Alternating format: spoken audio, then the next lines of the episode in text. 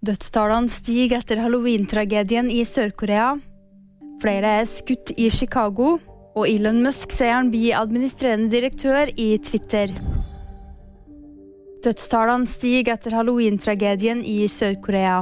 Antall døde har nå steget til 156. 29 personer er fortsatt kritisk skada, mens 122 har mindre skade. Landets politisjef Jon Hee-kun sier responsen fra politiet var utilstrekkelig. Flere er skutt i Chicago. Politiet opplyste til ABC at så mange som 14 kan være skutt. Ambulansen har frakta 11 personer til sykehuset, og bakgrunnen for skyting er ikke kjent. Politiet har ikke meldt om at noen er pågrepet så langt. Twitters nye eier Elon Musk sier han blir selskapets administrerende direktør. Musk er i øyeblikket det eneste styremedlemmet i Twitter. De følger dokumenter sendt til amerikanske myndigheter mandag.